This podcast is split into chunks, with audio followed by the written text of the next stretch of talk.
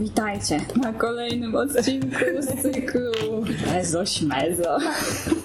Jakiś dramatyczny dźwięk puszczamy?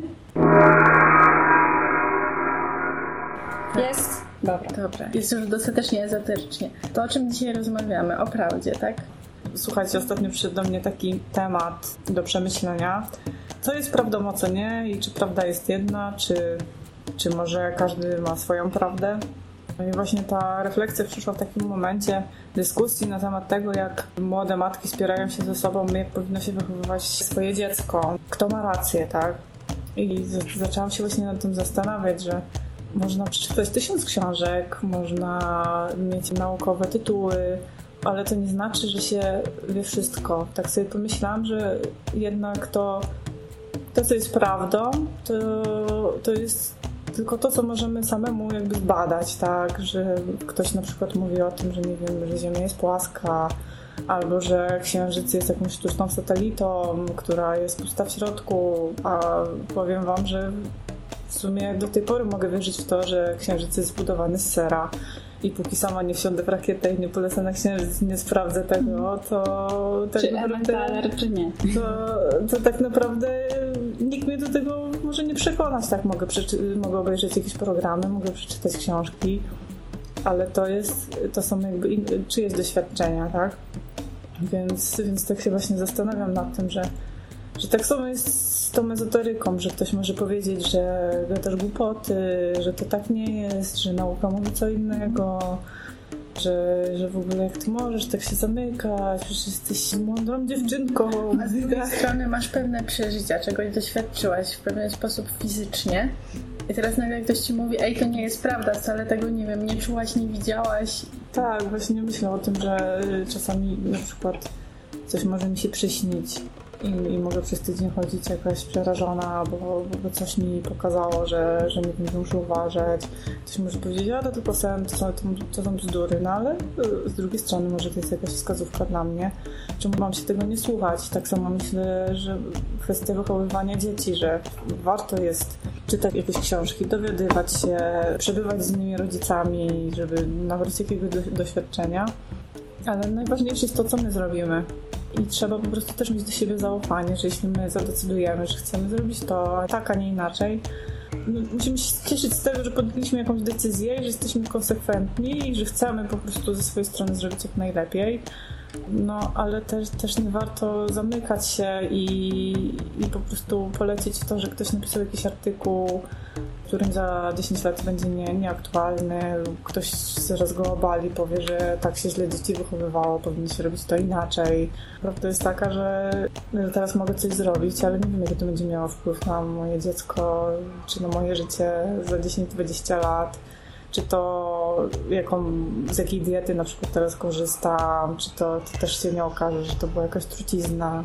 Przypomina mi się właśnie taki komiks, w którym właśnie rozmawiają naukowcy, przeglądają jakieś badania, a jeden z nich mówi: Panowie, głupia sprawa, okazało się, że papierosy są zdrowe. I tak właśnie sobie o tym myślę, że jakby fajnie, że ktoś bada ten świat, publikuje jakieś wyniki badań, próbuje ten świat opisać i sprawia, że ta nauka się rozwija i że możemy się my sami jako ludzie, jako cywilizacja rozwijać się, ale to nie znaczy, że, że to też nie jest coś, co się zmienia. To jest taka ciekawa e, opowieść związana z e, nauką. Ostatnio trafiłam na taki wykład w ramach TED Whitechapel i ten wykład prowadził Rupert Sheldrake. To jest taki dość znany naukowiec. I wykład ten figuruje na YouTubie jako wykład zakazany. Komisja w TEDzie uznała, że to, co on powiedział w trakcie tego wykładu, nie zasługuje na to, żeby być sygnowane nazwą TEDa. I w całym wykładzie on dowodził tego, że nauka ma pewne luki, które on przez całą swoją karierę akademicką tropił. Między innymi skupił się na prawach fizyki i na ich stałości.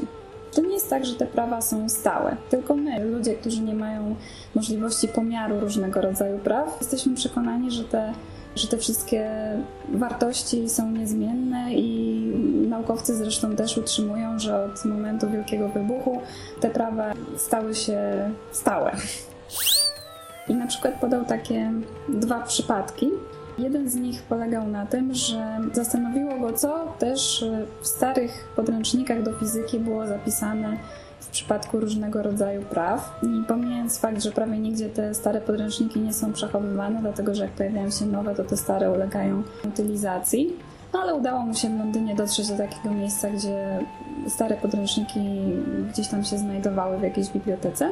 I doszedł do wniosku, że pomiędzy rokiem 1928 a 1945 prędkość światła była wolniejsza o 20 metrów na sekundę niż w 1927, a później po 1945 z powrotem wróciła do, swojego, do swojej normalnej prędkości. Czyli tak jakby była taka dziura, w której światło słoneczne zwolniło i to jest tak naprawdę bardzo duża zmiana.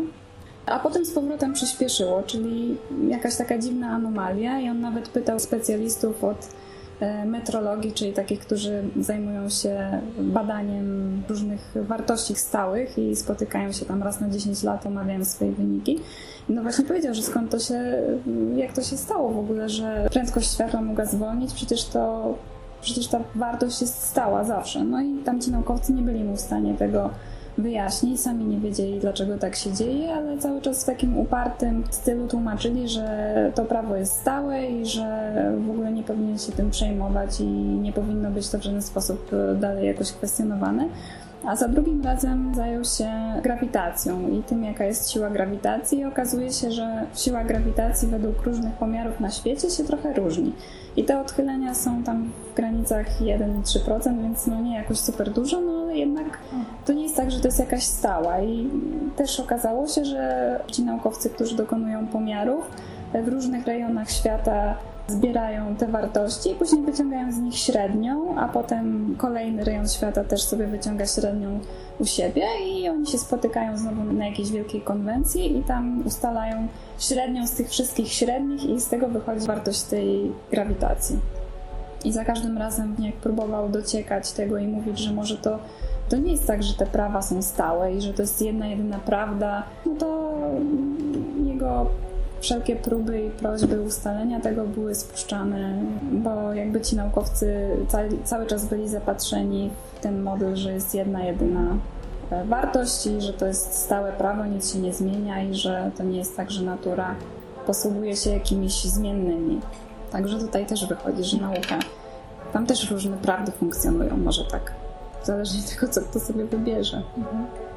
Ale zobaczcie, że gdyby na przykład przyznać, że siła grawitacji jest inna niż sądziliśmy zawsze, albo jakieś inne prawa natury, to zobaczcie, ile elementów takiego naszego stałego świata, w którym się czujemy bezpiecznie, by runęło. Znaczy, wydaje mi się, że z prawdą to trochę jest też tak, że trzymamy się tego, co daje nam poczucie bezpieczeństwa. Szukam właśnie takiego cytatu, który ostatnio do mnie trafił jak go znajdę, to Wam go przeczytam. Myślę, że on bardzo trafnie opisuje tę naszą rozmowę. Także jak znajdę, to się odezwę. To musimy teraz my zabawiać small talkiem. To w międzyczasie, um, co my możemy zrobić w ogóle w naszym codziennym życiu, żeby, um, żeby poszukiwać tej prawdy? Z drugiej strony nie zwariować i funkcjonować jakoś w miarę płynnie, bo do tego chyba dążymy. Ja ogólnie bardzo skłaniam się ku temu, żeby mieć zawsze otwartą głowę. I bardzo lubię takie y, zabawy z poskremianiem swojego ego, czyli zobaczyć, co myśli druga strona, czyli żeby nie przywiązywać się tak bardzo do tego, że ja mam rację. I bardzo często, kiedy y, zgłębiam jakiś temat, staram się znaleźć jakąś publikację, która obala całkowicie ten temat. Albo nie wiem, badacza, który powie y, ok, ale nie macie racji. I, i to rzeczywiście y, może trochę głowę otworzyć i, i, i sprawić, że zaczniemy sobie zadawać pytania. I w międzyczasie uruchomimy trochę naszej intuicji, tego jak, jak my czujemy, co my myślimy na, na dany temat. Ja bardzo lubię takie powiedzenie, prawda leży gdzieś po środku. Mhm.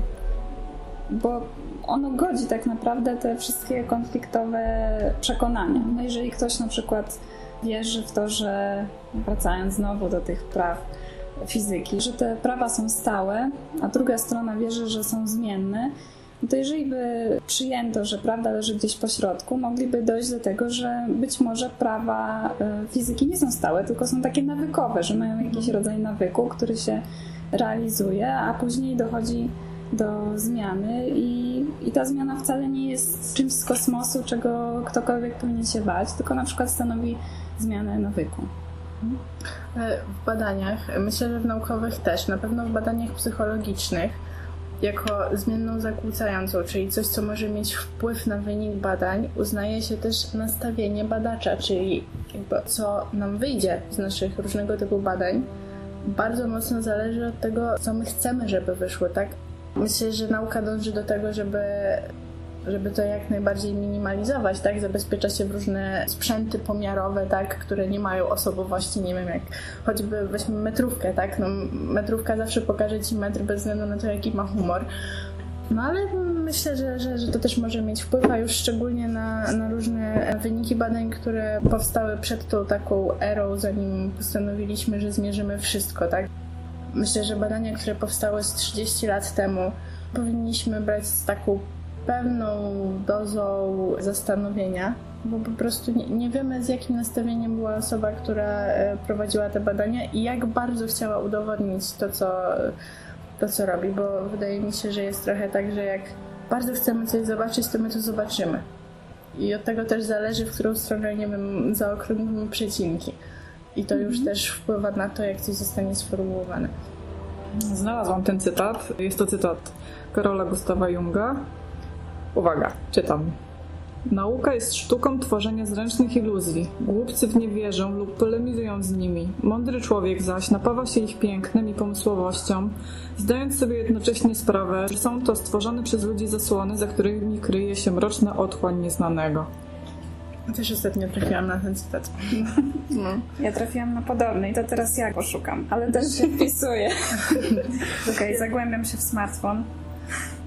E, myślę, że można się do tego troszeczkę odnieść w ten sposób, że świat to jest coś troszeczkę większego od nas i wszystko, czym my mierzymy różne rzeczy, czyli czym próbujemy zmierzyć prawdę, czy to narzędziami, czy intelektem, to jednak jest to coś, coś ludzkiego, a myślę, że to, co ludzkie jest w pewien sposób ograniczone. I kiedy my zaczniemy zdawać sobie sprawę, że są rzeczy większe od nas, których my nie możemy do końca ogarnąć, to wtedy mamy większą tolerancję na, na to prawdę. Mam na myśli bardziej nie to, że jesteśmy jak chorągiewka na wietrze, ale że przestajemy poczuwać się do tego, że musimy mieć monopol na prawdę, że, że musimy mieć zawsze rację, nawet odwołując się do wychowania dzieci. Kiedy zaczniemy tak myśleć, możemy powiedzieć, ok, ja wychowuję swoje dziecko tak, a ty wychowuj tak i to i to jest dobry sposób i to i to jest dobra droga. Ja mam też takie poczucie, jeśli chodzi o ezoterykę, bo sama ta dziedzina jest mega bogata, różne teorie i praktyki się w niej zawierają i niekiedy są no, jakoś tam ze sobą sprzeczne. I to, co mi się podoba, to to, że osoby zajmujące się ezoteryką nie wymuszają na innych, że słuchaj, ta teoria jest prawdziwa, a twoja nie jest prawdziwa. Są w stanie zastosować powiedzenie, które, o którym wcześniej wspomniałam, czyli to, że prawda leży gdzieś po środku. Zwłaszcza, że EZO jest taką dziedziną, która jest niepoznana, nie da się tego w żaden empiryczny sposób udowodnić. No i to mi się podoba, że nie trzeba wymuszać tej prawdy nie trzeba wymuszać jednej, jedynej racji w ramach tej dziedziny. A ten cytat, o którym mówiłam, to też znalazłam. Oj, właśnie go zgubiłam, ale jest już z powrotem. To jest cytat, który wypowiedział święty Augustyn, czyli zagłębiamy się w rejony kościelne, ale jest fajny. Cuda nie są wbrew naturze, lecz wbrew temu, co wiemy o naturze. Myślę, że miał gość rację, mimo że żył strasznie dawno temu. Wydaje mi się, że to jest takie idealne podsumowanie w ogóle naszej rozmowy. Tak? tak ale nie wiem, to jest taki punkt. Ja na przykład teraz myślę, no, no. racja. Kurde, to jest to. Po prostu nie wiem, mi nie trzeba więcej. No dobrze. O prawdzie opowiadałyśmy Wam w składzie czarującej trójcy. Jaga, Mara i Nika. Do usłyszenia następnym razem. Pa! Hej.